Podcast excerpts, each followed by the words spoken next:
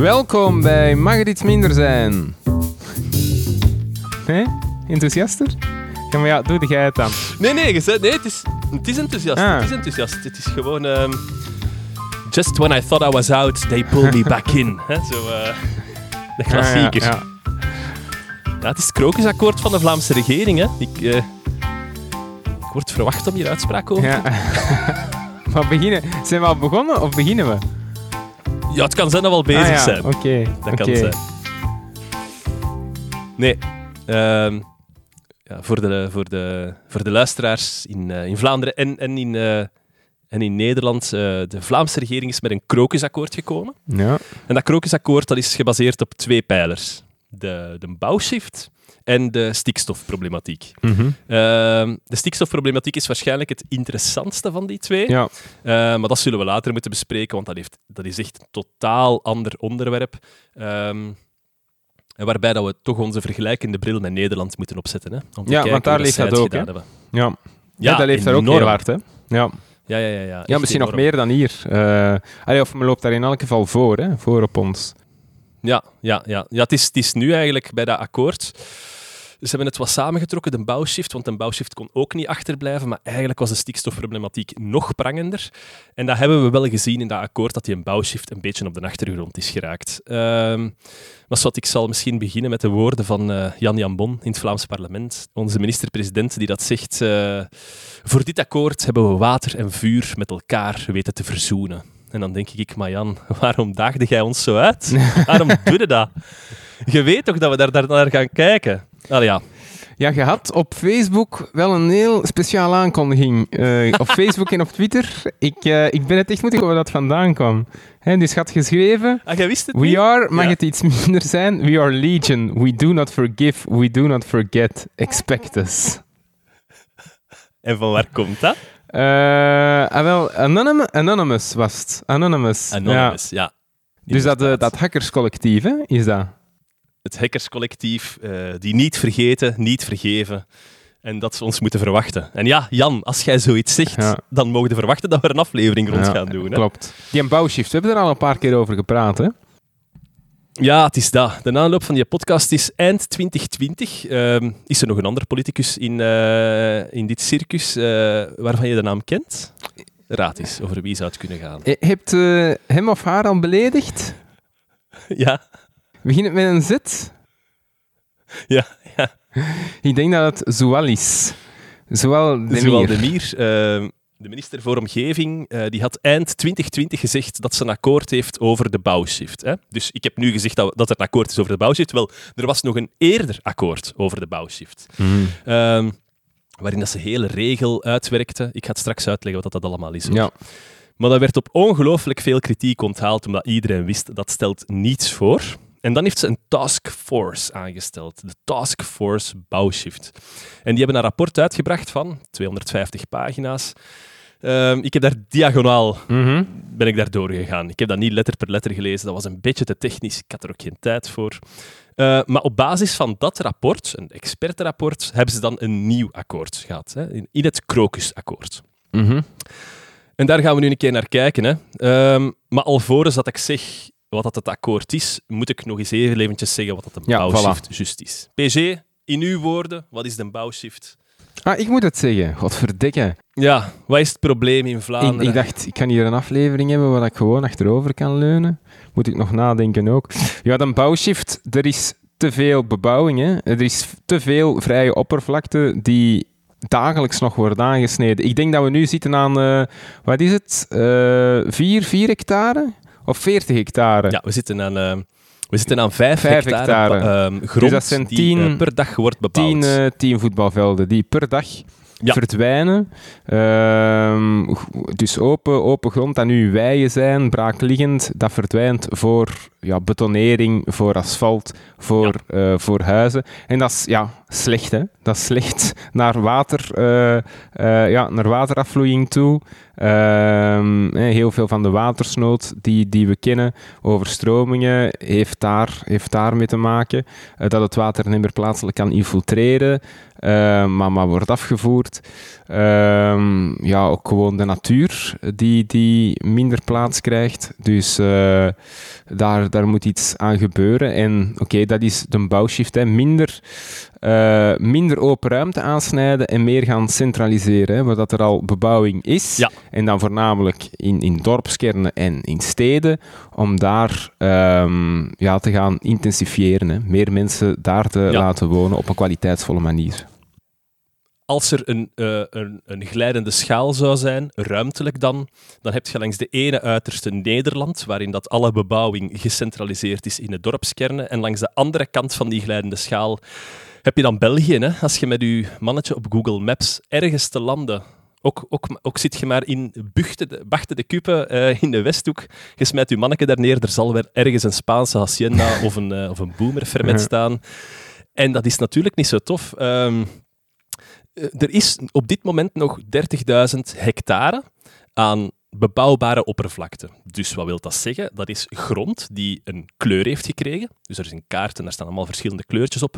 En die kleur die stemt overeen met een bepaalde activiteit, zoals bouwen enzovoort. En dus 30.000 hectare uh, is nog niet bebouwd, maar kan bebouwd worden. Het is de bedoeling dat we zeggen, we gaan dat niet meer bebouwen, want het is al te erg. Dus we gaan die bouwgronden, we gaan die een andere bestemming gaan geven. We gaan daar landbouwgrond van maken. Um, Natuurgebied. Want ja. er is inderdaad een probleem. Hè. Als wij overal beginnen te bouwen, dat geeft enorm veel problemen. Wateroverlast, uh, de infrastructuurkost is enorm. Hè. Weet je nog, ik had vorige keer het voorbeeld gegeven dat de infrastructuurkost uh, voor, uh, die wij als maatschappij dragen voor iemand die woont in een verstedelijkte kern, is maar een tiende van de infrastructuurkost die we betalen voor iemand die woont op de buiten. Dus als jij daar ja, ergens op de buiten je boomerfermetten wilt gaan zetten, dan, bouwen, dan betalen wij er als maatschappij tien keer zoveel voor als iemand die uh, naast u komt wonen. En, in en wie is dat die daar een boomerfermet gaan neerzetten? Dat is natuurlijk... Dat zijn niet de sociaal zwakkeren, hè? Meestal niet. Meestal is dat niet het geval. Maar we gaan nog niet beginnen kappen op de rijken. we moeten die ook aan boord hebben. Ja, ja juist, juist. anders dan worden we weer verweten uh, te socialistisch te zijn. Allee, de, Ron, de, Ronnie, de Ronnie is er niet bij, maar ja. De Ronnie is trouwens verjaard, uh, Moet hij is 30 geworden. Ah, is Ja, hij is 30 geworden ah, uh, vorige week. Ja. ja, vorige week. De, ja, ja, juist vorige week. Ronald van Krombrugge, ja, ja. Hij is tram 3, ja. tram 3. Vriend van de podcast. Maar sorry, ik heb je onderbroken. Vriend van de podcast. Nee, nee, nee, nee. Dus het is tien keer duurder als je op de buiten gaat wonen. Als je daar dan nog een keer de mobiliteitskost bij rekent, want die zat er op een of andere manier nog niet in, dan komen we aan een twintig keer duurder. In de zin van verplaatsingskosten. Ja. Als je die er gaat bijrekenen, uh, uh, wagens van het werk, uh, dat allemaal bijgerekend. Ja. Filevorming.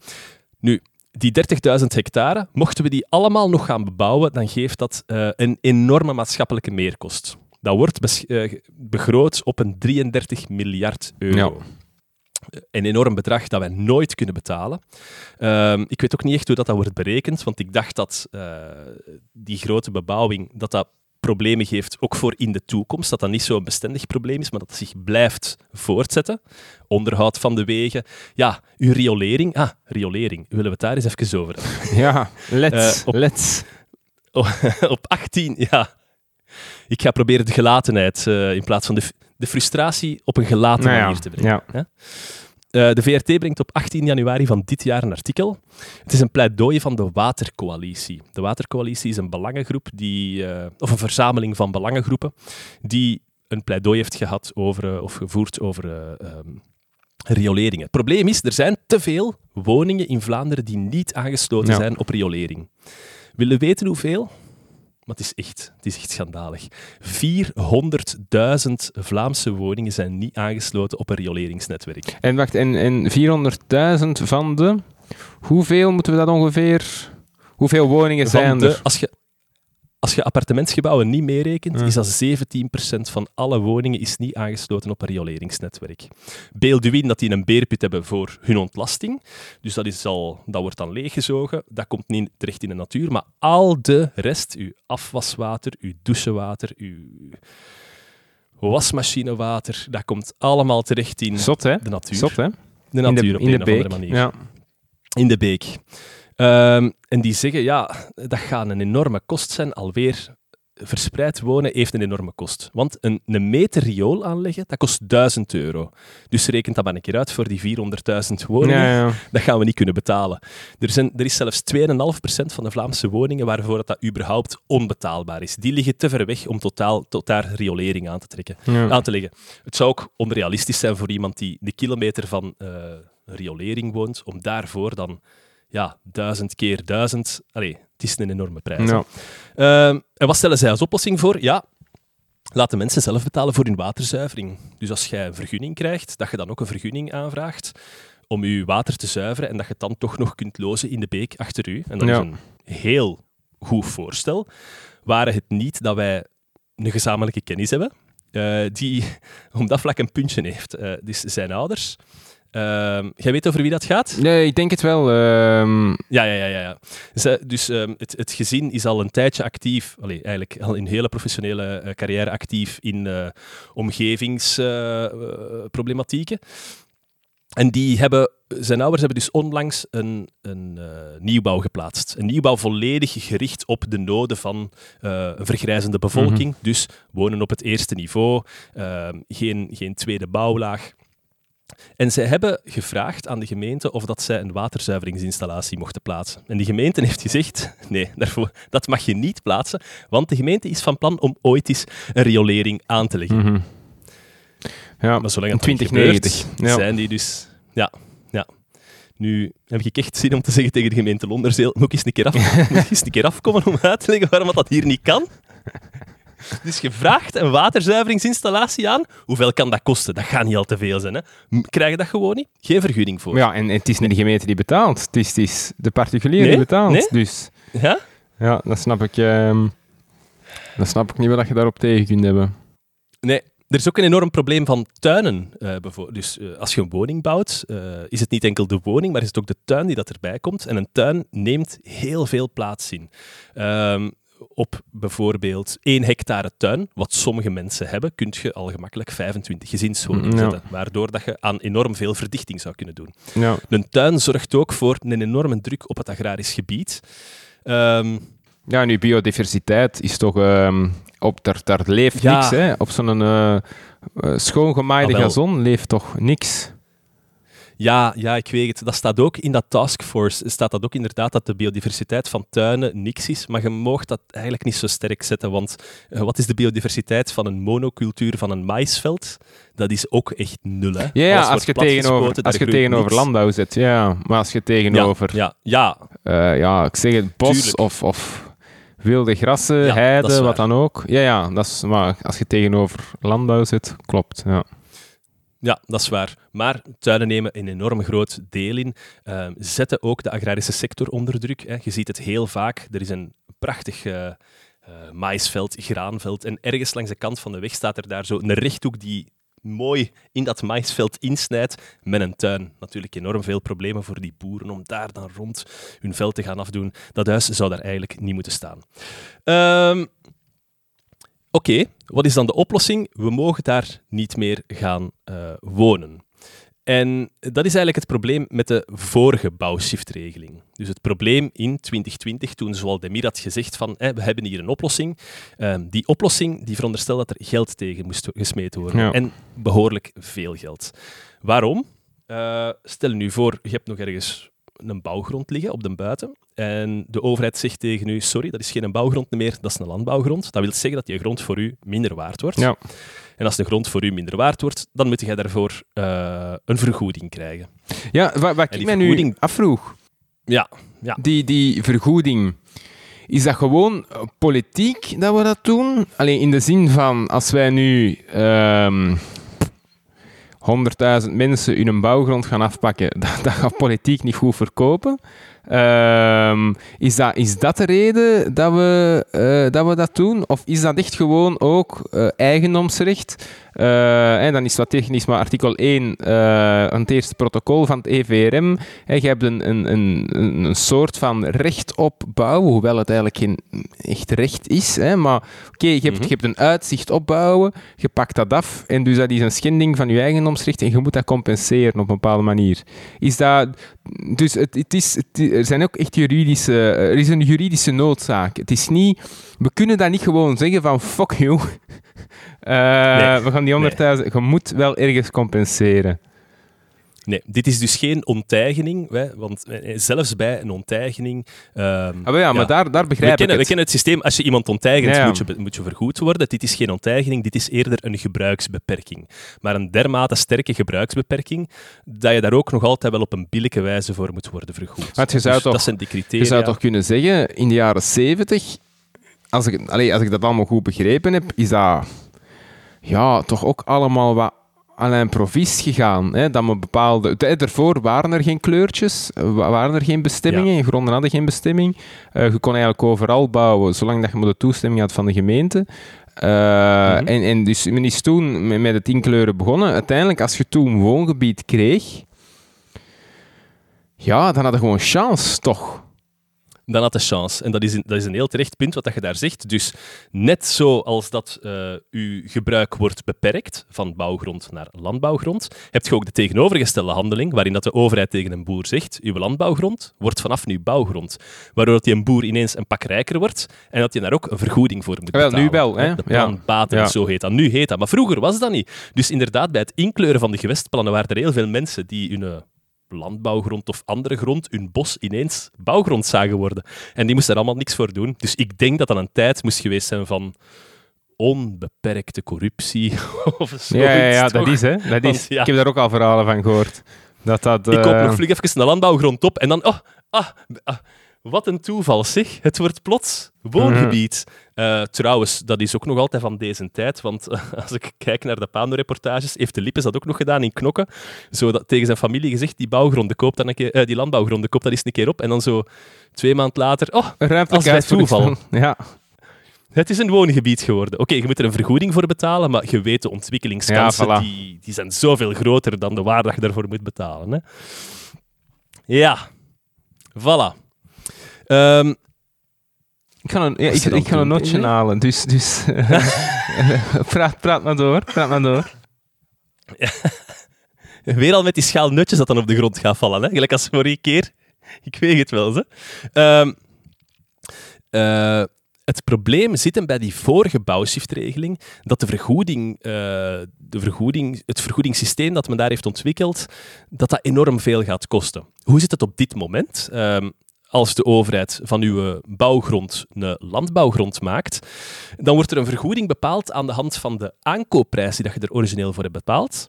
Vermenigvuldigd met een bepaalde index om um, de, uh, de, inflatie tegen te gaan. En dan wordt er het... Ik hoor ondertussen op de achtergrond de PG eten. Dat is echt... Ik zit speciaal. Dat is... Ik, is echt zo ik, zit speciaal niet voor mijn micro, maar een meter verder dat het niet op de micro zou, zou geregistreerd worden. Wat zet jij nu echt nootjes aan het eten terwijl ik mijn verhaal aan het doen ben? Ja, maar ik ben aan het luisteren ook over, over uh, aankoopprijs en, en waardevermindering. Maar doen verder. Ja, maar zet u... Wacht eens tot als mijn verhaal gedaan is. Dan, dan ga ik gewoon mijn nootje eten hier in, in beeld. Voilà. Dan filtert het, dan filtert het, filtert je het dus maar uit. Hm? Doe maar. Heb je het deze nu ooit al een keer meegemaakt? Maar ik mag toch iets eten? Zo, zo'n boertigheid. ik voelde me... Was ik iets aan het eten als jij aan het praten waard? Ja, jij zit op het internet bezig, heb ik gehoord. Nee, nee, ik heb mijn internet afgezet. Deze keer. Maar ik heb dus nu vernomen dat jij vorige keer gewoon aan het scrollen bent op Facebook als ik met een uitleg ja, maar hey, jij waren aan, aan het ratelen over Afghanistan. Jesus Christ. Ik moest even met een Facebook in doog houden of ik viel in staat. ah, allee. Allee. Ik doe mijn pul al uit. Aankoopprijs, kom. Te horen. Ja. Uh, de huidige regeling is perfect in overeenstemming met de wet. Perfect in overeenstemming. Dus van dat geïndexeerde aankoopbedrag wordt de resterende waarde afgetrokken en daarvan wordt je 80% vergoed. Waarom maar 80%? Omdat het Europees Hof voor de Rechten van de Mens en het Grondwettelijk Hof zeggen het moet geen volledige vergoeding zijn, het moet een billijke vergoeding zijn. Het is in het kader van het maatschappelijk belang. Het maatschappelijk belang kan niet vereisen dat uh, de maatschappij 100% geeft van het waardeverlies, want er wordt wel degelijk een maatschappelijk belang mee beoogd. Maar nu... Maar dus je zou eigenlijk uh, kunnen toch wat proberen hoe ver dat je kunt gaan. Dat wel. Allee, dus hè, wij, wij doen nu 80%, maar je zou ook eens kunnen proberen. Is dat ooit al getest door het Europese? Ah ja. Ah, ja, maar je zou How low can you go? Ja, ja, je zou het eens kunnen proberen, 60%. Wat zeg je het Europees Hof voor de Rechten van de Mens daarvan? Ah, wel. Ik vind, dat een, ik vind dat een zeer terechte insteek, waar het niet dat de Vlaamse regering de compleet tegenovergestelde oefening doet. De Vlaamse regering denkt, goh, mannetjes, dat gaat ons hier een nood kosten, maar weet wat het nog leuker maakt? Als we nog meer gaan betalen. En dat is inderdaad wat de Vlaamse regering heeft gedaan. 80% wordt 100%. Maar ook de waarderingsmethode verschilt en dat is het belangrijkste. Nu wordt er blijkbaar een, of schijnbaar een heel simpele waarderingsmethode gebruikt. Er wordt gezegd, wat is uw bouwgrond op dit moment waard? En wat zou die grond waard zijn, mocht het een landbouwgrond zijn? Dus er wordt gewoon gekeken naar het heden. Ja. En dat verschil tussen die twee krijg je uitbetaald. En iedereen denkt nu, oh, maar dat is toch maar, is toch maar normaal dat je 100% van je waardeverlies krijgt. Maar daar is een kleine nuance aan te brengen. Um, die nuance kan ik bijvoorbeeld het beste ehm, uitleggen met de prijs die dat het gaat kosten. Dat eerste mhm. systeem van die 80%, daarvan zijn ze, daarvan zijn ze zeker hoeveel dat gaat kosten. Dat is 6,6 miljard euro, die oefening. Ja, Als je het doet volgens de huidige waarderingsmethode, hè, van 80% van de geïndexeerde aankoopprijs, 6,6 miljard euro. Ja. Hoe zijn ze daar zo zeker van? Ja, die aankoopprijzen die staan in publieke databanken. Dat is algemene informatie dat we weten, daar valt niet aan te tornen. En dat is wettelijk. Hè? Daar is al het grondwettelijk hof is daarover gegaan, het Europees Hof voor de Rechten van de Mens is daarover gegaan. Die zeggen allemaal dat is een correcte manier om het te doen. Ja, maar dus dan, probleem... dan neemde inderdaad alle prijsstijgingen die de laatste jaren gebeuren, die neemde dan niet mee. Mogelijkerwijze niet mee.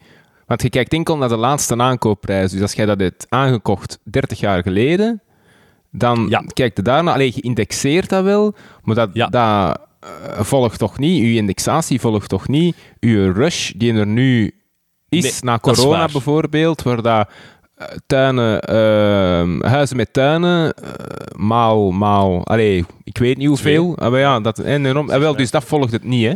Dus dat wordt er allemaal niet dus in vergoed, ja. Grondspeculatie wordt hierbij vermeden. Ja. Dat, dat, wordt niet gedaan. Want inderdaad, uh, word jij als maatschappij verwacht om personen te vergoeden in de speculatie die zij hebben uitgevoerd. Ja, uh, ik vind dat dat maatschappelijk debat niet is gevoerd. Daar valt iets voor te zeggen, voor de ene kant en voor de andere kant. Maar dat debat is niet gevoerd. Nee.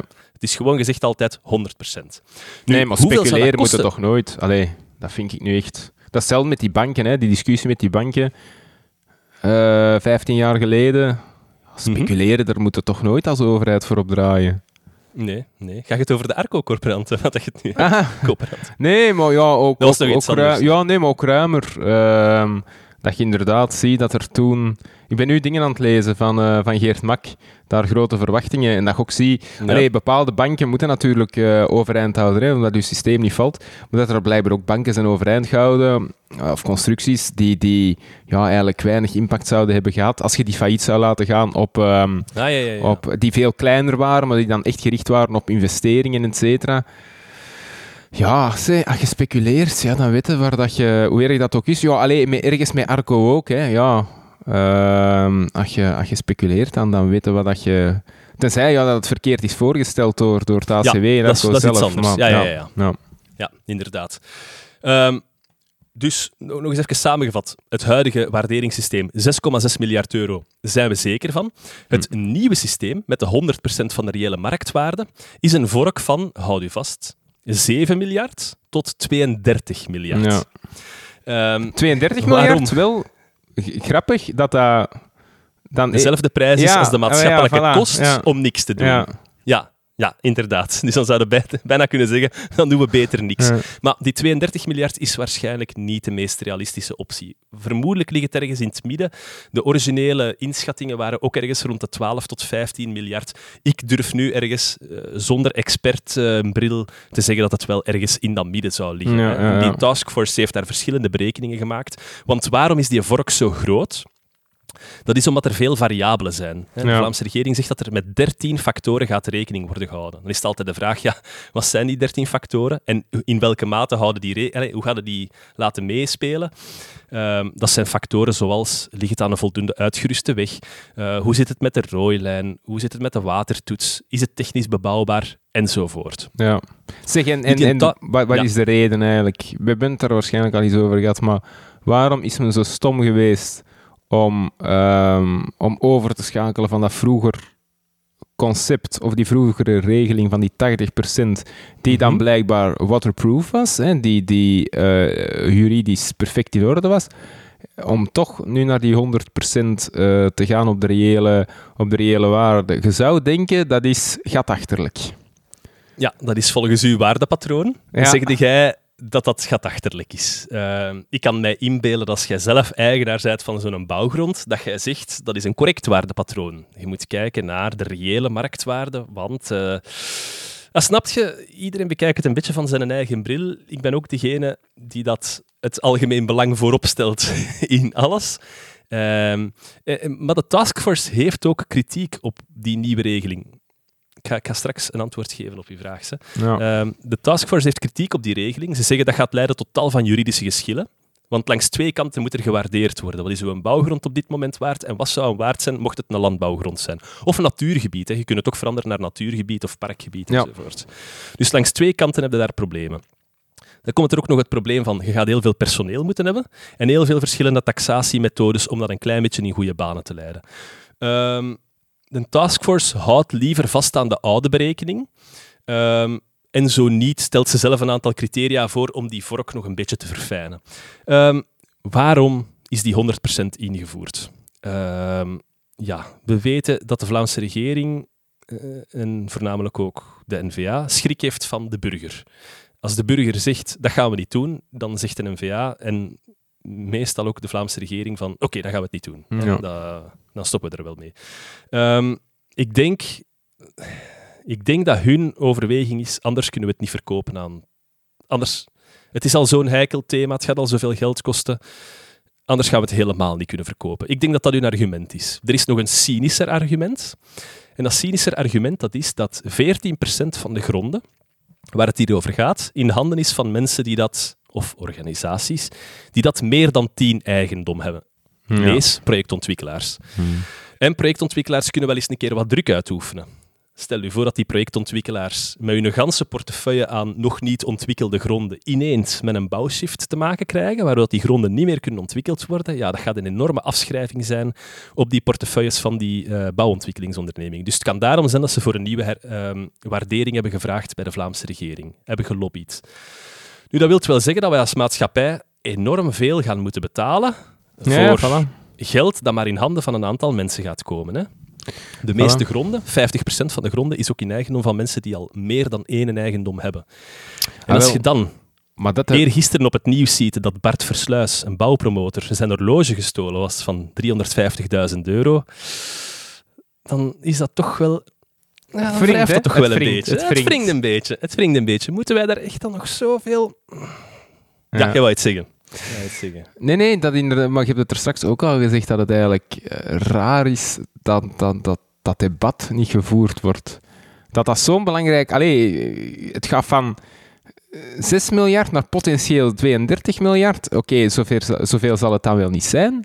Maar dat, dat hoort je eigenlijk nergens. Hè. Dat debat dat wordt niet gevoerd. Je ziet niet Kathleen Kools op een bepaald moment aan Jan Bon vragen: hoe zit het, jong? Hoe komt dat? Nee, ja, wel, wel, hoe komt dat? Wel, Waarom doet het? Wel de mening over Oekraïne, maar... Wel de vraag van waar komt dat geld, maar niet waarom moet dat zoveel kosten. Ja, ja, ja effectief. Want als je het strikt juridisch wilt doen, niemand gaat u af... Ja, enkel politiek maar juridisch gezien gaat er niemand afgeven op die 80%-regeling. Ja, en politiek, je gaat toch... Oké, natuurlijk, het gaat over uw kiespubliek. Misschien dat er bij de NVA Ja, dat de verkaveling, Vla- verkavelingsvlaming eerder naar de, de NVA stemt, dat zou, dat zou natuurlijk kunnen. Maar als je naar, naar kwantiteit gaat kijken, naar hoeveel, hoeveel mensen dat je schoffeert met de ene of met de andere oplossing, er zijn toch veel meer mensen die niet nog een tweede grond hebben en die dus gebaat zijn. Laten we de test doen. Heb jij nog een andere grond? Nee, ik heb, ik heb geen grond. Ik ook niet. Nee. Dus, volgens deze steekproef heeft 0% van de Vlaamse bevolking een tweede grond. Ja, effectief. Dus inderdaad. Effectief. Eh, dus ja, dat snap ik, eh, dat snap ik niet. De kracht, de kracht van eh veranderingen. Ja. De kracht van verandering. Maar Eh, hey, eh, trouwens, ja, want we zijn weer op de NVA aan bashen, maar evenzeer, ja, de CD&V eh, is, is ook in het, hetzelfde bedje ziek, hè, in, in, in de VLD. Ja, ja, ja, maar het, is, Dus- het, is, het is een portefeuille op dit punt, dus ik ga, hier de, ik ga het hier Ja, ja, hebben maar- over de maar NVA. Mochten we het hebben over kinderdagverblijven, Ja, wel, maar zo'n beslissingen worden natuurlijk ja, zeker genomen door, door de volledige regering. Hè. Eh, daar, daar, moeten we Ja. niet, ja, daar moeten we toch niet Ja. stom over doen. Dus dat is, dat is evenzeer de verantwoordelijkheid van... eh van, van C- Oké, misschien is het niet de, het dossier waarop dat ze op inzetten, eh CD&V. Misschien laten ze dat meer aan Ja. de NVA. Maar ja, minstens is er toch een collectieve, collectieve verantwoordelijkheid. ja, Niet? maar dan moet je... Ja, ik, ik ben het met u eens, maar dan moet je niet als minister naar buiten komen of als premier en zeggen dat je water en vuur met elkaar hebt... Allee ja, zat. Dat is Ja, over de nieuwe regeling. Want zoals Demir had het ook gezegd, hè, we hebben een historisch akkoord, terwijl dat iedereen wist, dit kunnen wij niet betalen. Ja. Ehm, want wie moet dat betalen? Dat is eigenlijk de volgende vraag. Wie zou dan die vork van 7 tot 32 miljard moeten betalen? De Vlaamse regering beslist dat daar wel properkes. Hè? ja. Ehm, ja, dat, dat, dat, dat we dat bedrag gaan geven. Maar het bedrag gaat uiteindelijk moeten worden gegeven door tadaa, de gemeentes. En ik weet niet wat jij ervan denkt, maar dat geld zit daar niet. en daar zit geen 7 tot 32 miljard waar je een keer zot mee kunt doen. En, en waarom is dat? Omdat zij, de gemeentes, zullen uiteindelijk moeten beslissen wat er met die gronden gaat gebeuren. Ja, ja. Om, ja. Ja, ik ga de regel uitleggen. De Ja. regel is dat de gemeentes inderdaad die herbestemmingen zullen moeten doorvoeren. De gemeentes Ja, zullen op hun grondgebied moeten kijken welke grond gaan we omzetten. Ja. En dan moeten zij daarvoor betalen. Nu, een gemeente wil dat om drie redenen niet doen. De eerste reden is, het kost geld. Dat is een normale reden. Ja. Eh, de tweede reden is, als er geen extra bebouwing bij komt, kunnen we ook geen extra onroerende voorheffing vragen. En onroerende voorheffing is de helft van het inkomen van de gemeente. Het derde is, het inkomen van de schepenen wordt bepaald aan het aantal inwoners in de gemeente. Dus drie redenen van de gemeente om te zeggen, goh, daar gaan we eigenlijk niks mee doen. We gaan dat gewoon... We hebben die mogelijkheid, hè? de Vlaamse regering creëert die mogelijkheid, maar we hebben geen enkele incentive om dat door te voeren. En dat is het grote probleem van de bouwshift.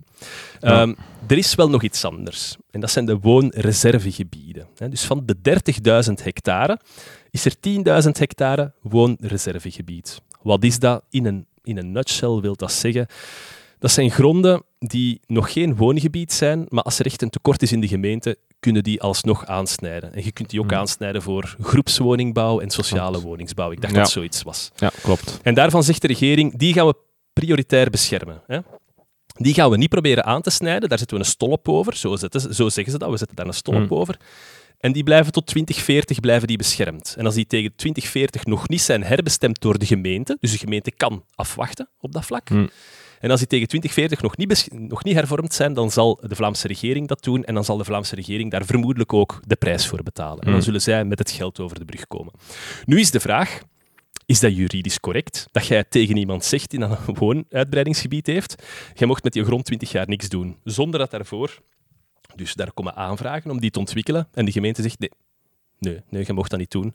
En die Oh, blijven nee. En, blij, en blijft verwijzen naar de wetgeving. Nee, nee, we gaan daar niks mee doen.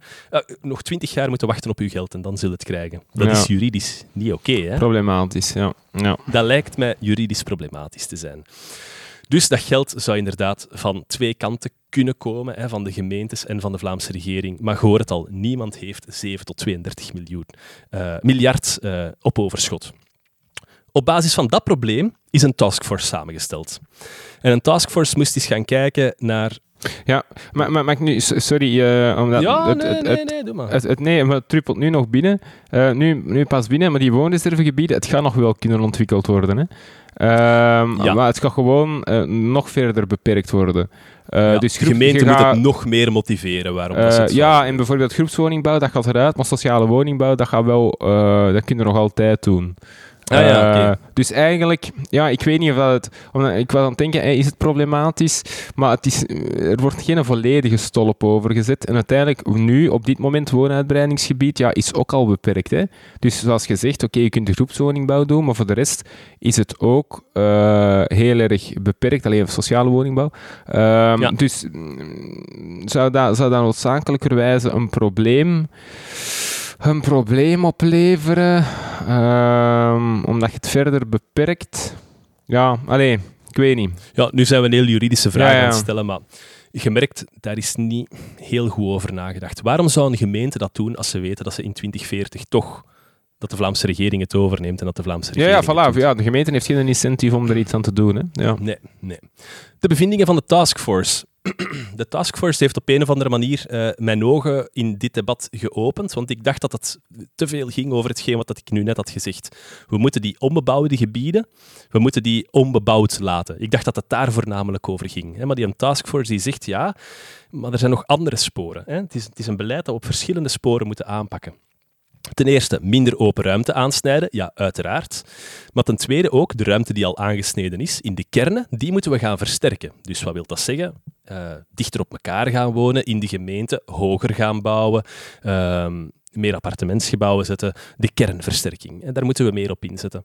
En ook, heel belangrijk, en daar ga ik het nu over hebben, dat is dat we die zachte bestemmingen, want we hebben het over zachte en harde bestemmingen, je mag dat redelijk fysiek inbeelden. Een zachte bestemming is, de grond is nog redelijk zacht, hè, is eh, Ja. parkgebied, eh ruimte, eh, ehm, ehm, eh, agrarisch gebied. De harde bestemming is gebetoneerd, laat het ons zo zeggen. Maar we moeten die zachte bestemmingen ook wel beschermen. Want, allemaal goed en wel, dat je van een woongebied een bosgebied of een agrarisch gebied gaat maken. Maar wie gaat daar nog een agrarische activiteit op uitoefenen? Er is namelijk een tendens waarbij dat steeds meer landbouwers hun activiteit stopzetten. En dan Ja. komen daar braakliggende terreinen te liggen. Eh, wat gaan we doen met die activiteiten? En heel vaak worden die problemen zonevreemd opgelost. Wat wil dat zeggen? Het is een agrarisch, het is ingekleurd in het geel op de kaart. Dus dat wil zeggen dat je er een agrarische activiteit op mocht doen. Maar vaak wordt er een andere activiteit op uitgeoefend. Zoals een manege of een bewoning, ehm, Ah, manege. kinderboerderij. Ja, ja, ik ga, het, ik ga het houden voor straks, want het is echt... eh, mijn opzoekingen daarom zijn echt... eh, ja, de resultaten die ik heb gevonden zijn echt stuitend. En eh, op basis van de stikstofproblematiek gaan er ook heel veel bedrijven hun boeken moeten toedoen. Hè. De, de rode bedrijven, de, de, de gele en de Ja, ja, oranje, geen vergunningen meer krijgen. Dus, ja, ja, ja. ja, en dat is ook een heel groot probleem in Nederland, dat veel van die bedrijven eruit moeten. Dus, hoe gaan we ervoor zorgen dat die agrarische gebieden agrarisch blijven? Hè? Ehm, het eerste is, het hergebruik van de site moet betaalbaar worden gemaakt. Dat zegt dus die een taskforce. Hè? Dus ik ben nu niet bezig met het plan van de regering. Ik ben bezig met wat heeft die een taskforce voorgesteld.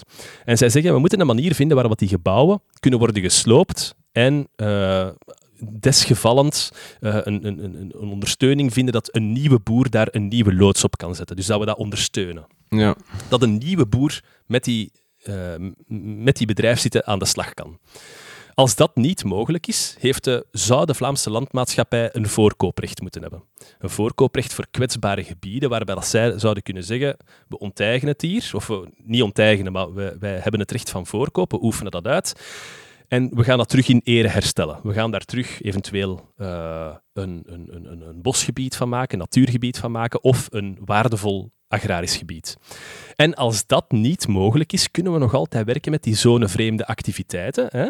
maar onder bepaalde voorwaarden. Je moogt eventueel bepaalde bebouwing afbreken en binnen heel beperkte contouren mocht je wel nog iets zetten. Want het gaat hier allemaal over verharding, hè? dus zo weinig mogelijk verharding. In Nederland bestaat daar een alternatief voor en dat is ruimte voor ruimte. Ik weet niet of dat je dat kent. Nee. Dat is eh, boeren die willen stoppen met hun activiteit, die kunnen eh, een subsidie krijgen of die kunnen eigenlijk een, een commitment doen om hun agrarische sites te slopen in ruil voor een woning te kunnen bouwen ergens anders. Ja. Uh, wat dan natuurlijk ook geld oplevert. Uh, voilà. Dat zijn de drie stappen die dat zij voorstellen. Dat moeten we natuurlijk een beetje concreet maken, die plannen. En het eerste is, stelt die taskforce voor, we moeten de afwijkingsregelgeving mogelijk maken. Hè. Je weet, ik had het al gezegd over die zonevreemde activiteiten. Uh, dus agrarisch gebied, maar je mocht er een andere activiteit op uitoefenen. Dat wil niet zeggen dat je in strijd zet met de wet. Je kunt in sommige gevallen daar nog altijd een vergunning voor aanvragen. Zo bestaat er een Vlaamse uh, lijst met toelaatbare zonevreemde functiewijzigingen. En dat wil zeggen dat je voor land- en tuinbouwgebied in de ruime zone, dus dat geel gebied, dat je daar een vergunning voor kunt krijgen voor de volgende activiteiten. Houd je vast, hè. Paardenhouderij, manege, dierenasiel, dierenpension, dierenartsenpraktijk, jeugdlogies, tuinaanlegbedrijf, kinderboerderij, centrum voor dierentherapie enzovoort. Dat is maar één voorbeeld. Er zijn nog andere manieren die dat het toelaten om op agrarisch gebied een andere activiteit uit te oefenen. Nu hoor ik u al meteen zeggen, dat doet de waarde van uw agrarisch gebied toch enorm stijgen. Ja, klopt. Er stopt een boer. Jij bent een boer. Naast u zit er een aspergeboer. Die, die aspergeboer die zegt, ik stop ermee. Jij zegt, oké, perfect, ik kan dat gebruiken om mijn witloofbedrijf uit te breiden. Ik zou graag die grond aankopen van die aspergeboer, maar die aspergeboer die krijgt te horen dat er daar ergens een rijkentist met een manege wil beginnen en die betaalt dubbele van de prijs. Ja, dan kan ik als witloofboer niet meer ja. meegaan. Hè. Voilà, paardenlobby. Naadloos zijn we overgeschakeld naar de paardenlobby. Dat is dat die verpaarding in Vlaanderen echt een enorm probleem lijkt te zijn. Ook al wordt dat niet per se meegerekend als een harde bestemming. Dat is nog altijd een zachte bestemming, hmm. maar dat geeft enorm veel druk op de agrarische uh, activiteit. Weet jij, in 2011 hebben ze uh, een peiling gedaan en blijkbaar was 5,1% van de oppervlakte in Vlaanderen een twintigste paardenweide. Echt? 5,1%. Um, het volgende is... dat is zot. Ja, het volgende is compleet stuitend. Er maar is 70.000... Door wie, door wie is die meting gedaan? Maar dat is toch heel veel? Ja, ja, ja. ja Allee, maar ik bedoel, hier in Antwerpen, ja, al niks. Hè, al, al nul paardenweiden. Maar dus als ik op de buiten zei, is er toch niet zoveel paardenweiden? Ik, ik heb het niet uitgevonden. Ik heb het gevonden in... Um, het staat zelfs in, de, in, in het rapport van de taskforce. Wat blijkt? 70.000 hectare paardenweides. 70.000.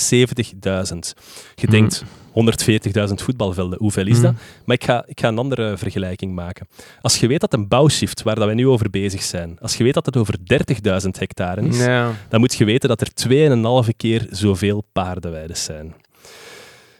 Er zijn ook 200.000 paardachtigen in Vlaanderen. Maar oké, dat is een ander verhaal. Ehm, dus ja, de Boerenbond zegt dat ook. Hè. Uh, geen wonder dat zoveel mensen stoppen met die agrarische activiteit. Ze krijgen er vaak heel veel geld voor. Ja. Van mensen die dat op dat agrarisch gebied iets anders willen doen dan hun agrarische functie. In veel gevallen wordt dat ook toegelaten. Ehm, en dat zet natuurlijk die hele activiteit onder druk. Persoonlijk vind ik dat dat leidt tot een enorme verrommeling van ons maatschappelijk landschap. Want dat is nooit mooi, een paardenweide. Dat is wel mhm. mooi als dat zo'n manege is van 30 miljoen. Maar als dat zo iemand is dat in zijn achtertuin een paard uit, is dat altijd ja. lelijk. Ehm, en dat is een van die dingen. Hè. Dus we moeten die afwijkingsmogelijkheden in agrarisch gebied, die moeten we afbouwen. Ze geven ook nog een ander voorstel. Dat is, misschien kunnen we meer bindende adviezen voorschotelen. Je moet weten, als je een vergunning aanvraagt of eventueel een... Uh, uh, bestemmingswijziging wilt doorvoeren, dan moeten er adviezen zijn van allerhande adviesinstanties, vaak overheden. En die zijn heel vaak uh, adviserend. Dus de overheid kan, moet daar rekening mee houden, uiteraard, maar moet die niet volgen. En dan denkt men, wat als men nu een aantal van die adviezen verbindend maakt, dat de overheid er niet van kan afwijken? Mhm. dat, is één, dat is één mogelijkheid. Een andere mogelijkheid is meer handhaving. Het probleem is, op lokaal niveau kunnen bijna niks handhaven op ruimtelijke ordening. Je moet dat een trap hoger zetten en je moet dat mm. eigenlijk naar het gewestelijk niveau doen. Daar gaat het over. Iets anders wat dat zij ook uh, opmerken, en dat is, wel in, dat is wel tof, dat is overbodige wegen.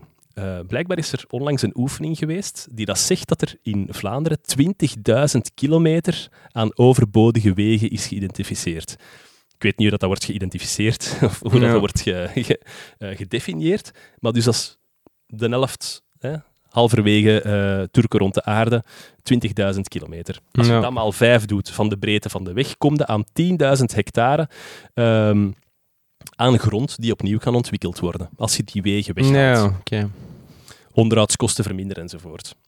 Uh, en dan is er nog het probleem met zachte, zachte bestemmingen, dus stukken, land, uh, stukken landbouwgrond, die fout gelegen zijn. Je ziet dat vaak in een woonwijk, dat er tussen twee huizen ergens een klein stukje open ligt. Klein Hmm. stukje... ehm, Ja, braakliggend terrein. een braakliggend terrein. Als dat binnen 2040 nog niet bebouwd is, dan moet dat een andere bestemming krijgen. Bijvoorbeeld een landbouwgrond. Dus is de vraag, ja, ligt dat daar wel op zijn plaats? Eigenlijk zouden we daar iets mee moeten doen. En dan zouden we een soort van ruilbestemming moeten doen. Dus je pakt ergens het recht om te bouwen op de buiten en je ver- verplaatst dat met dat recht om daar je schapen te hebben. En dan Ja. krijg je een meer uniform landschap. Dus daar moet er aan gewerkt worden. Oké, maar ook wa- eh, met die harde bestemmingen zijn er problemen. Hè? Dus de, bes- de bestemmingen waarbij het er eh, woningbouw is enzovoort. Je gaat nog altijd harde bestemmingen nodig hebben. Toekoer. Zelfs na 2040 ga je op sommige momenten moeten zeggen we zouden beter nog een ziekenhuis bijbouwen of zoiets. En we gaan Mhm. daarvoor open ruimte moeten aansnijden. Hoe gaan we dat dan doen? En dan werken met de, planologische neutraliteit. Wat wil dat zeggen? Als jij ergens graag iets wilt bouwen op open terrein, dan moet jij ergens bebouwd terrein afbreken en dat terug openmaken. Of een stadspark van maken. Zoiets. Noem het maar zoiets. Ah ja, zo. Ja, ja oké. Ja, ja. er moet altijd een... Het, het, het resultaat moet nul zijn Ja, van, die, van die oefening. Eh, pff, Maar je zou toch je zou kunnen zeggen, eh, oké, voor, voor, voor maatregelen van algemeen belang, dat je daar...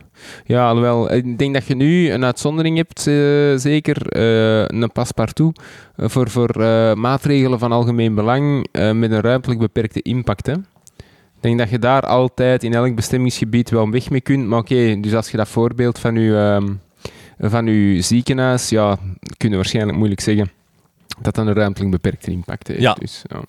Ja.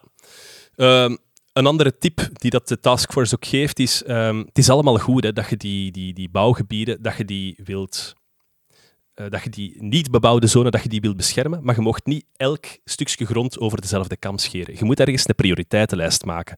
Je moet ergens zeggen, er zijn bepaalde gebieden waar dat je fundamenteel, allee, waar dat we nu al niet meer mogen aankomen. Hè. Bijvoorbeeld de overstromingsgevoelige gebieden, waar je nog altijd mag bouwen, daar moeten we echt mee stoppen, nu. Hè.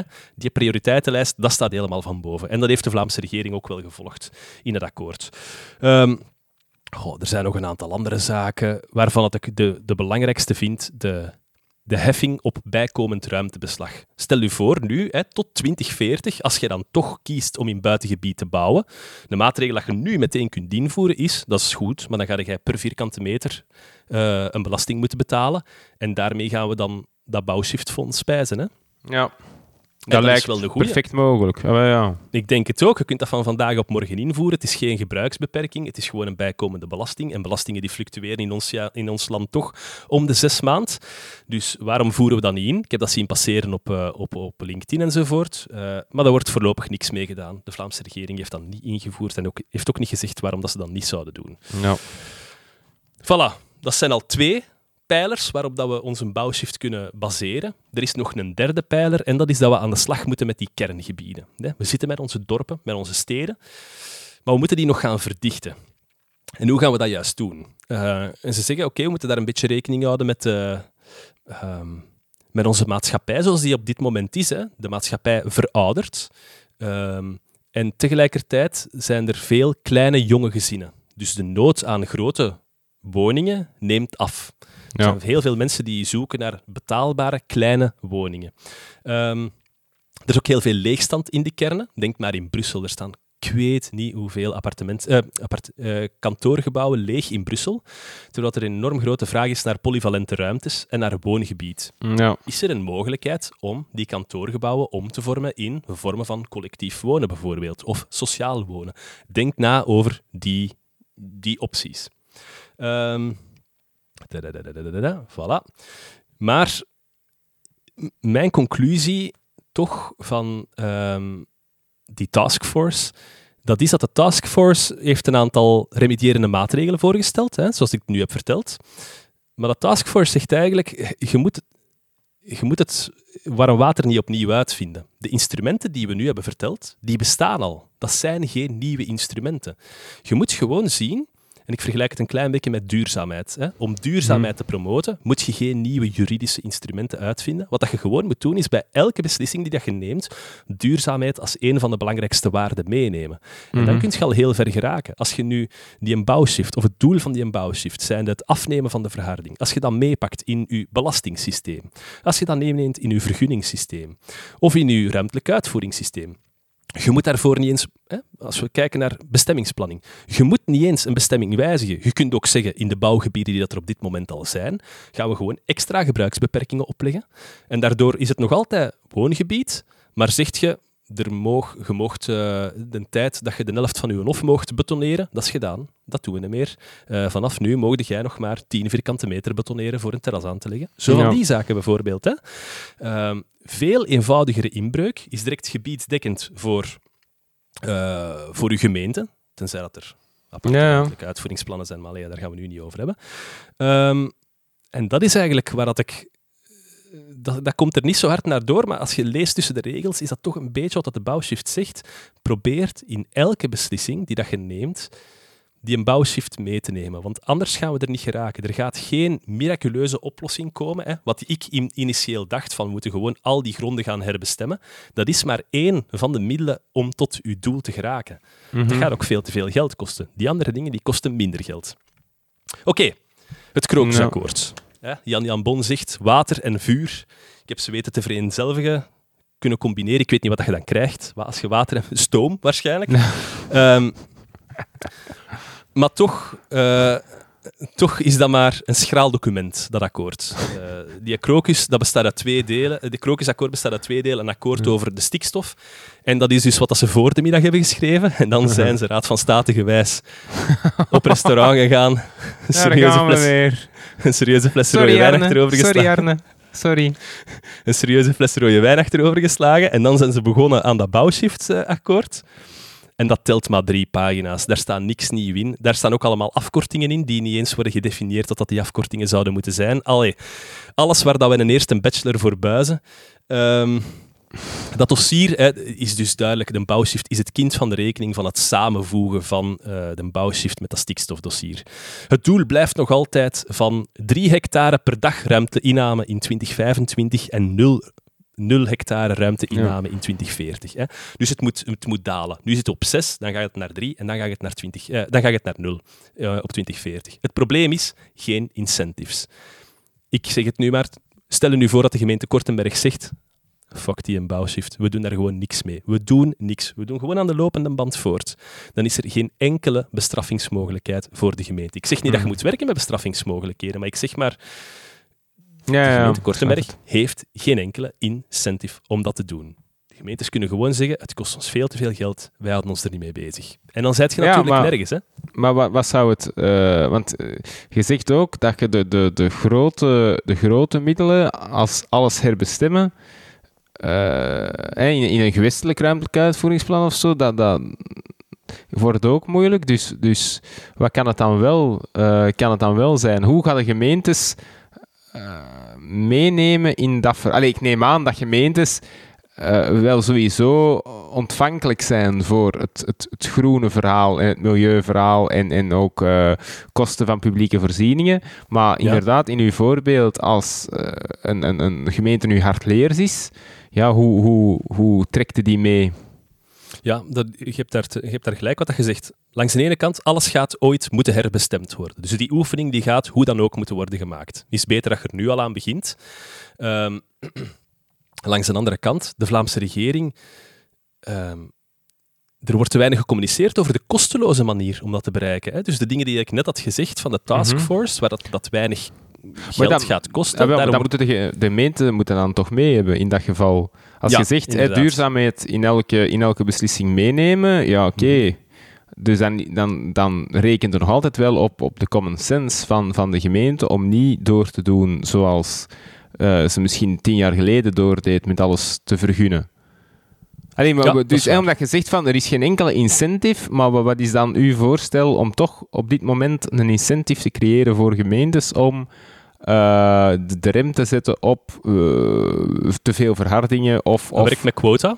Werk met quota. Zegt gewoon um, dat er um, per jaar 5% uh, 5% ehm, onbebouwde ruimte die eigenlijk in de plannen bebouwbaar is, eh, dat je die herbestemt. En dat je voor de rest de, de, de, de zachte maatregelen invoert. Ik weet niet, werkt, werkt met zoiets? Werkt iets met waar dat er een audit kan uitgevoerd worden? Maar gaan we dat dan verplichten naar, en, en, en, heeft dat dan repercussies voor uw, uw budget of zo dat je dan krijgt? Ik ben, ik ben geen beleidsmaker, maar ik zie gewoon dat er geen incentive is voor de gemeente om wat te doen. Ik wil gerust meedenken. Hè. en, en ik denk dat dat nu... Goh, nu ga ik daar misschien iets te veel moeite voor moeten doen om daar een pasklaar antwoord op te geven, maar er is gewoon niet over nagedacht. En er zijn heel veel gemeentes die ook gewoon zeggen, ja, sorry, maar um, zolang dat dat die 100% is, gaan wij niet meedoen, hoor. Ehm, nu, de Vlaamse, de Vlaamse regering heeft wel gezegd dat ze willen werken met die planningsneutraliteit. Hè, dus dat gaat wel worden ingevoerd en dat is wel goed. Planningsneutraliteit was dus van dat ziekenhuis. Als je dat wilt bouwen op open gebied, moet je wel zien dat bebouwd gebied wordt afgebroken. Een maar dat is fabriek... van 2040, of nu al? Nee, Dat zou, dat zou nu worden ingevoerd, ja. Maar dus als jij als particulier ook iets bouwt in, in wel woongebied, of niet, het gaat dan niet over woongebieden. Nee, nee, dit gaat over een herbestemming. Hè? Dus een, een, een, een stedenbouwkundige herbestemming die dat de gemeente moet uitvoeren. Als dat open gebied wil die nemen, dus als je open gebied gaat herbestemmen... Ja, maar met open gebied bedoelde jij dus geen woongebied? Ja, ja, ja. Ja, ja, oké. Ja, ja, ja, ja, ja, ja, ja, Dus buiten, buiten hetgeen wat dat al hebt, of buiten hetgeen wat al voorzien is. Ja, dat zou de bedoeling zijn. Um, de regels omtrent de zone vreemdheid zullen ook aangepast worden. Hè? Dus ik had het daar al gezegd over die, die druk van die bijvoorbeeld manages die dat er komt. Daar gaan ook flankerende maatregelen. Ik zie, ik zie die een ader op zijn voorhoofd pulseren als men het zegt. Manages. paarden, hè? dat zijn echt... Ik snap dat niet, die paarden. Dat is levensgevaarlijk, een paard. Oh ja, zwart. Levensgevaarlijke paard. En voor de rest ehm, gaan ze ook werken aan functiewijzigingen in kerngebieden. Die gaan gemakkelijker uh, mogelijk zijn. Oké, ik weet, de leek valt nu van zijn stoel. Wat wil dat zeggen? Um, als, uh, als er in een dorp ergens een kantoorgebouw staat en dat staat bijvoorbeeld op een zone voor, ah, ik, ik zeg maar iets, hè. Uh, commerce of zo, dan kunnen ze daar toch nog een andere activiteit in toestaan. Je ziet dat heel vaak bij onroerend erfgoed. Bijvoorbeeld, een kerk is onroerend erfgoed. Wie gaat er ooit een kerk willen kopen of een oud kasteel willen kopen? Ja, niemand, omdat onroerend erfgoed heeft keizware verplichtingen. Je moet dat onderhouden, je moet dat goed onderhouden of je bent strafrechtelijk aansprakelijk. Een flankerende maatregel is dat ze zeggen, we gaan ietsje lichter omgaan met de functie die je erin uitoefent. Wil jij daar een discotheek in open doen? Voor ons is dat goed. Wil jij daar een hotel in open doen? Voor ons is dat goed. Dus je mocht daar zo wat van alles in doen, zolang dat je het maar in ere uh, ja, dat kan normaal toch altijd. In, alleen nu, niet, inderdaad, als je met onroerend erfgoed zit, is dat moeilijker. Maar anders kun je toch uh, perfect je functie wijzigen. Als jij bijvoorbeeld kantoren hebt, ja, kun je toch perfect daar woningen van maken of vice versa. In, ah, maar nu willen ze dat nog uitbreiden. Dus ze ah, willen nog, nog verder gaan daarin. Ik, ja. meer gedetailleerd staat het ook niet hoor. Ja. Ehm, de Vlaamse regering wil ook meteen werk maken van 1600 hectare die geneutraliseerd wordt. En dat gaat over overstromingsgevoelige gebieden waar je nog mocht wonen. Ja. ja, een kritische lezer denkt, ja, dat had überhaupt al niet in aanmerking mogen komen voor woningbouw of voor andere soorten van, uh, van bebouwing. Maar oké, kijk, uh, ze zetten er ook een stolp over en ze zeggen, die moeten meteen geneutraliseerd worden. En als er nu nog een vergunning voor verleend wordt, dan zal het departement omgeving elke keer in beroep gaan daartegen. Ja, ja, ja. Dus dat is al goed. Hè? Dat is goed. Het, uitgang, het, het pijnpunt van het akkoord blijft nog altijd de prijs. De prijs is nog altijd 100% van de marktwaarde. En dat is onbetaalbaar. Nu, zegt de VRT, miljoenenfonds moet kosten van de bouwshift beperken uh, of binnen de, beperken, binnen de perken houden voor de lokale besturen. Hè. Tot 2040 wordt elk jaar 100 miljoen euro in dat fonds gepompt. Nu wil ik het even hebben over die 100 miljoen, PG. Ik had daarnet gezegd, een kostprijs van 7 tot 32 miljard. Laat ons realistisch rekenen op een 10 à 15 miljard. Wat is 100 mhm. miljoen euro per jaar? Over een periode van 18 jaar? Ik zal het u zeggen, de ballen. Is, niks. niks. 1,8 hè. Dan zitten we nog niet waar we moeten zijn. Ja. Nee, dan zitten we nog niet waar we moeten zijn. Totaal, totaal, totaal niet. Dus het gaat hier over een jaarlijkse bijdrage van nog geen ene procent van wat dat, dat spelletje in totaal gaat kosten. En het zou tegen 2040 Hmm. geklaard moeten zijn. En, en vergoeding- waar komt dat geld Ja. vandaan dan, voor dat fonds? Dat, dat geld komt, ja, dat komt van de Vlaamse overheid, maar dat komt ergens uit een ander fonds. Dat staat er wel in, ze- in dat akkoord Ja, ja. van waar dat geld juist komt. Maar wat, in dat besluit eh, Ruimte Vlaanderen komt dan 100 miljoen per jaar. 100 Ja. miljoen per jaar is dus niks. Hè. Ehm, de vergoeding. Als een gemeente dan toch beroep wil doen op dat fonds, kan ze haar kosten voor twee derde vergoeden als er een omzetting is naar bos en een helft vergoeden als er een omzetting is naar landbouw of natuurgebied. Ehm, dus Hmm. bos wordt natuurlijk enorm gepromoot. Eh, het probleem is, dat gaat nog altijd redelijk nadelig uitpakken voor de gemeente. Volgens een berekening zullen sommige gemeenten bijvoorbeeld acht keer zoveel moeten betalen als andere gemeenten om dezelfde oefening te doen. Namelijk al die, bouwvrij, al die te bebouwen gebieden bouwvrij maken. Bijvoorbeeld de gemeente Nazareth, die zou, zelfs al komt de Vlaamse overheid tussen, ehm, nog met een 25 miljoen euro aan kosten zitten. En dat is in de veronderstelling dat de Vlaamse overheid in elke gemeente evenveel bijspringt. Quot non, want ze betaalt maar 100 miljoen euro per jaar. Ja. Dus het probleem van die nieuwe regeling, van die bouwshift, is dat werkt verlammend. Er waren heel veel gemeenten die van plan waren om die bouwgebieden af te brokkelen hè, en daar iets anders voor in de plaats te zetten, onder die 80%-regeling. Ja, voilà. Maar nu dat Ja. dat de 100%-regeling is onder de marktconforme prijs, zeggen de meeste gemeenten van ja jongens, eh, laat maar, het is, eh, het is niet voorbij. Wij zullen wel, eh, we zullen wel wachten. Waardoor je het compleet tegenovergestelde effect creëert. Ja. Ja, dat is een goed Dus ja. punt. Dat is een goed punt. Ja. Ja. Dus ja, wat gaan we eraan doen? Ik vind het persoonlijk ook een gemiste kans, want eh, er is één regel waar dat er niet over wordt gesproken. En dat is een regel dat jij wel kent. Ronald kent die regel ook. You don't shit where you eat? Nee, nee, dat is de, de regel verbijst. Ah, de regel Ja, kent. Ja. Ja, ja, ja, ja, dat had ik moeten weten. Dat had ik moeten weten. Nu, ik weet dat het in, in, in, in deze day and age misschien niet zo hip is om te praten over totalitaire Sloop. regimes of totalitaire gedachte, gedachtegoeden. Maar toch wil ik hier de regel verbijst poneren. Ehm, je doet ermee wat je wilt. Ehm, je hebt dat vaak als je in de natuur aan het rondlopen bent. En je, ik, zie de, ik zie de PG nu zijn kop naar beneden gaan. Ik doe- denk dat we die gerust. Nobelprijs... We gaan die verliezen. Die gaan Ja, we niet krijgen. Ja, ja. Nee, maar doe gerust. Doe gerust. Die cultuurprijs gaan we ook niet krijgen. en die podcastprijs gaan we ook niet krijgen.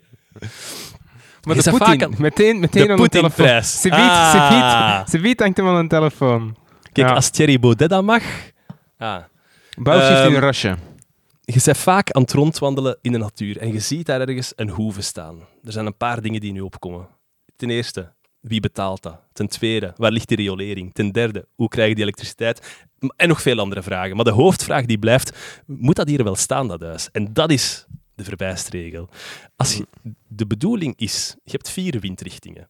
Als je in twee van de windrichtingen van dat huis geen enkel ander huis ziet, dan moet worden afgebroken. Ah, een twee. Eh wacht, wat was het nu weer al? Ik dacht dat drie was. Je moet, nee, nee, de regel is, je moet in minstens twee, ja, voilà, dus je moet in minstens twee van de windrichtingen een ander huis zien. Ah, en als dat niet eh, zo is, dan moet het worden afgebroken. En jij dacht dat het één wi- windrichting was? Ja, ja, ja. Ja, ja. nee, ik heb een verstrengd, ik heb een verstrengde regel. Nee, oké. Ja, anders wordt het te gemakkelijk. Anders wordt het te gemakkelijk. Nu, ik hoor u al zeggen, dat gaat een cascade veroorzaken. Want als dat ene huis wegvalt, dan zal er misschien ook een ander huis zijn dat moet voldoen aan de verbijstregel en dus ook zal moeten worden afgebroken. Eh, maar dan is dat maar zo. En zo kom je tot een herstel van de ruimte in Vlaanderen en kunt je terugwerken aan die kernverdichting. Ja. Ja, ja, dus... ehm, ik ben... eh, ik, ik, ik, ik hou mijn, mijn enthousiasme nog wat eh, voor mezelf. Nee, maar, je mocht vergoeden, hè. Pakt een 80%-regeling van de geïndexeerde Ah, ja. aankoopprijs. Allee, eh, ligt er iets voor in de plaats? Je, je zegt geen onmens. Je zegt geen Nee, onmens. nee, nee, nee, nee. En dat verstaan de mensen vaak niet. Nee, dat nee, verstaan ze vaak niet. Klopt. Dat dat, ergens zo, dat dat ergens uit het niets komt, dat dat een ongefundeerde stelling zou zijn, maar dat, dat, ja, dat is vaak niet zo. En, en kom jij op bij de verkiezingen? Of, of ga jij gewoon meteen naar het parlement met... Ik ben aan het eh, denken aan een splinterpartij. Ah ja, oké, top. Maar je Ja. zou het democratisch wel willen, willen doen. Ja, dat- Je, je gaat niet vertrekken van een, een bierkelder. Dat gaat er niet Nee, doen. nee, nee, nee, nee, nee. Nee, Ik denk, eh, ja, nee, dat krijg je ook niet verkocht, hè? Eh, nee, dit, dit wel. Via, democratisch, via democratische weg gaat dat, eh, gaat dat lukken. Gaat dat lukken. Of zou de NVA mij binnen willen, denkt hè? Na, na dit gesprek? eh, ik, ik weet niet. Ik weet niet. ga eens vragen aan Raoul. Eens zien wat dat die daarvan denkt. Ja, dat zou kunnen. Dat, Dat, zou kunnen. Ja. Je mag ja. ook een andere regel noemen, hè? de regel, de windrichtingregel of zoiets. Dat moet daarvoor niet per se mijn naam dragen. Hè? Nee, nee, nee, oké. Ja. Nee, dan binnen 100 jaar gaan we zeggen... Dat was de aflevering dat het veranderde. Ja. Nu, als je dit stuk eruit knipt, dan geeft dat een heel ongenuanceerd beeld van... Hij heeft Maar lang binnen zo. gezeten. Hij heeft Je lang moet, binnen je moet eerst de hele aflevering hebben beluisterd om pas dat laatste stukje. Maar nee, ja, dus... ehm, wat, wat vind jij van, eh, van het krokusakkoord? Is het, eh, is het een dode mus of eh, vind je dat het meevalt? Nee, ja. eh, ik heb het zelf nog niet gelezen. Ik heb nu enkel ehm, vernomen wat dat jij mij hebt gezegd. Ja, Uw eigen is- advocatenkantoor heeft er is- een nieuwsbrief over gemaakt, PG. een beetje betrokkenheid, alsjeblieft. Ja, maar ik wist, ik wist dat er een, eh, een akkoord was, maar ik, ik wist niet wat, een, eh, wat de inhoud was. Maar dus nu, nu dat ik het verneem, het is moeilijk om daar geenthousiasmeerd van, van te worden. Hè. Nee, Waarom maar doet blijft- iedereen daar dan zo enthousiast over? Doen, doen mensen daar enthousiast over? Ja, degene die het hebben geschreven, uiteraard. Dat moet, dat moet. eh dat ja, moet maar, wel allee, enthousiast kun- zijn. maar dat, ik, ik vind dat nog altijd een beetje raar hoe dat je dat kunt. Ik weet dat het een resultaat is van een compromis, maar hoe kun je nu met een uitgestreken gezicht gaan zeggen, jongens, dat gaat hier gaan werken. Dat gaat hier Ja, ja, echt dat is gaan juist. werken. Dat, allee, Ja, nee, oké, klopt. Klopt. Ja, vooral die 80%, allee, of die 100%, dat is onbegrijpelijk. Hè. Ja, het, is, het is niet zozeer het verschil tussen 80 en 100 procent, het is gewoon die volledige nieuwe waarderingsmethode die, die ook al... Ja, ja, voilà, voilà. Ja. Nee. Maar- Als ik, maar- eh, Misschien zit er nog ergens hoop in, hè, want eh, ze hadden inderdaad 13 parameters om die prijs mee te bepalen. Eh, ze zeggen niet hoe dat ze die gaan invullen, maar als ze die een klein beetje deftig invullen, ehm, en daarvoor raad ik dus ook enorm hard aan om te kijken naar dat rapport van die taskforce, kun je dat echt wel tot een minimum beperken. Eh, ja, oké, maar als dat een incentive is, het tot een minimum beperken, dan kun je even goed dan werkt het beter met de 80%. Ja, Ja. Maar, ah, wel, maar dat komt beter over voor het publiek. Als je zegt, we gaan 100% vergoeden, en dan zeg je, maar we gaan gewoon... eh, Want eigenlijk, als je nu... Hey, eh, eh, maak het dat ook niet complexer. Hè? Want nu, het was 80%, maar als je nu zegt, eh, we doen 100% en je gaat dan terug naar, naar, naar 80%, is dat niet het afnemen van, van Verworven recht? rechten. Ja. Ja, maar nu, want nu zit het altijd met, oké, hè, je hebt bouwgrond, maar gaat het daar kunnen bouwen? Het blijft, dat blijft wat, het moet altijd nog, nog verenigbaar zijn met de goede ruimtelijke ordening. Hè? Dus eh, of dat je daar gaat kunnen bouwen, wat dat je daar gaat kunnen bouwen, eh, staat niet vast. Hè? Zoals gezegd, ja, als er echt een waterproblematiek is, eigenlijk, ja, zit het dan gescharreld, hè? want dan gaat het waarschijnlijk niet kunnen voldoen aan de goede ruimtelijke ordening. Dus gaat het misschien niet kunnen, kunnen bouwen. Dus dat je dan zegt van, oké, we gaan wel 80% vergoeden, ja, want eh, heeft een echt recht op bouwen? Je hebt, je hebt recht op, een- op een kans om te bouwen. Hè? Maar, dus dat je daarmee een 80% werkt. Maar als je dan nu in de regelgeving gaat inschrijven, ah ja, ja hè, is ofwel, eh, ofwel mogen bouwen, ofwel eh, gaan we je 100% vergoeden, ja, dan is dat toch wel een recht. Want van het moment dat je de voorwaarden voldoet als je herbestemt, krijg je 100%. En als je dan verandert naar, ah, nee, nee, nee, we gaan nu terug naar 80%, is dat dan niet het afnemen van een recht of van die, van die 20%? Maakt het u juridisch dan bedoel ik, hè? complex, niet, niet, niet, niet, niet moeilijker. Als er nu mensen naar, naar, de, eh, naar, naar, naar de rechter trekken en zeggen, oké, dat is een schending van mijn eigendomsrecht, want we gaan van 100% naar 80%, is dat niet gevaarlijker? Goh, dat kan zijn. Ik weet zelfs nog niet of die nieuwe regel al in werking is getreden. Dat staat in het instrumentendecreet. Ja, dat denk ik niet. Dat denk ik niet. Maar... Dat dat nog niet in werking is getreden. Ofwel, ik weet het Ja, niet. ik weet het, ik weet het nog niet. Hè. Ik weet het niet. Eh, maar althans, dat is, het, dat is het plan. Ze hebben het nu ook terug bevestigd. Maar eh, wie weet, wie weet, is onze Vlaamse regering wel kwikser dan we denken. Hè? misschien zijn ze inderdaad wel van plan om die parameters zodanig te schuiven dat het ons een minimum aan geld gaat kosten. Ja, Misschien ja, komen maar we dat is... onder de 7 miljoen uit. Ja. Stel je dat voor. Eh, miljard, miljard, Ja. miljard. Ja, ik snijd hier met miljarden alsof het niks is. Hè. Eh, Dat het allemaal één groot plan is. Ja, ja het zou kunnen. Het zou kunnen. Maar dus die procedures dat dat gaat opleveren, want er gaat ergens een tabel moeten komen met, met parameters in. Ja, Met, met eh, een algoritme. Hoe dat, dat algoritme gaat aangevochten worden voor het grondwettelijk hof. En daarna nog een keer het Europees Hof voor de Rechten van de Mens. ja. Allee, de advocaten gaan weer werk hebben. Ja, het- ja, sorry. Het is zo, hè. Het is zo, ja. Ja, niet dat jij gaat lopen met dat geld, hè. Met je maandelijks vast bedrag. Wacht Schijnzelfstandigheid. Zegt dat u iets? Ja, dat is, dat is een feit. Dat is een feit. Dat ga ik niet ontkennen. Dat ga ik niet ontkennen. Ah, voilà, voilà. Dat is eh, criminal intent, hè. Criminal intent. Zeg, Goed, jong. moet ik, eh, moet ik u iets zeggen hoe dat het eh, staat in de koers? Oei, het, en ineens bleef het stil. Niet, ze zijn niet geïnteresseerd? De eerste hellingen, ze zijn nu aan de Molenberg. Maar alles zit nog bij elkaar. Nee. Nee, Echt niks? niet, Echt niet. Echt niet. Echt En Pogacar is met ontblote armen aan het fietsen. Zeg maar, O- hey. ook, ook dat niet. Ook, ook, ook, ook dat niet. Nee? Oké. Oké, nee, nee, nee. Dan geef ik het op. Dan geef ik het op. Nee. Wat ga jij nog doen vandaag? Ja, misschien die aflevering hier wat, wat Ah, herwerken. ja, oké. Ja. Misschien een beetje een sollicitatiebrief eh, finaliseren en doorsturen. eh. Ja, maar ik dat is- je denken aan de toekomst.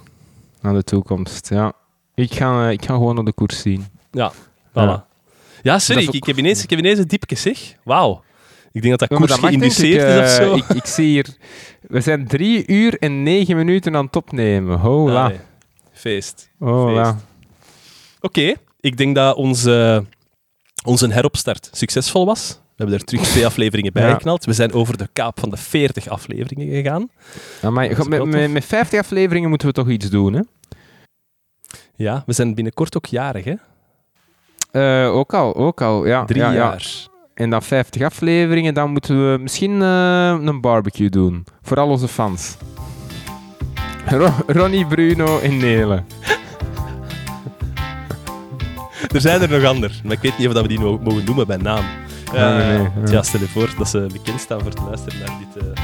Ja, ja, Oké, iedereen die dat tot nu toe geluisterd heeft, dikke merci. Mocht je het leuk vinden, deel het alvast met de mensen rondom u. Zo kunnen we alleen maar groeien en dan zien wij u bij een volgende aflevering van Mag Minder Zijn. Ciao! Ciao.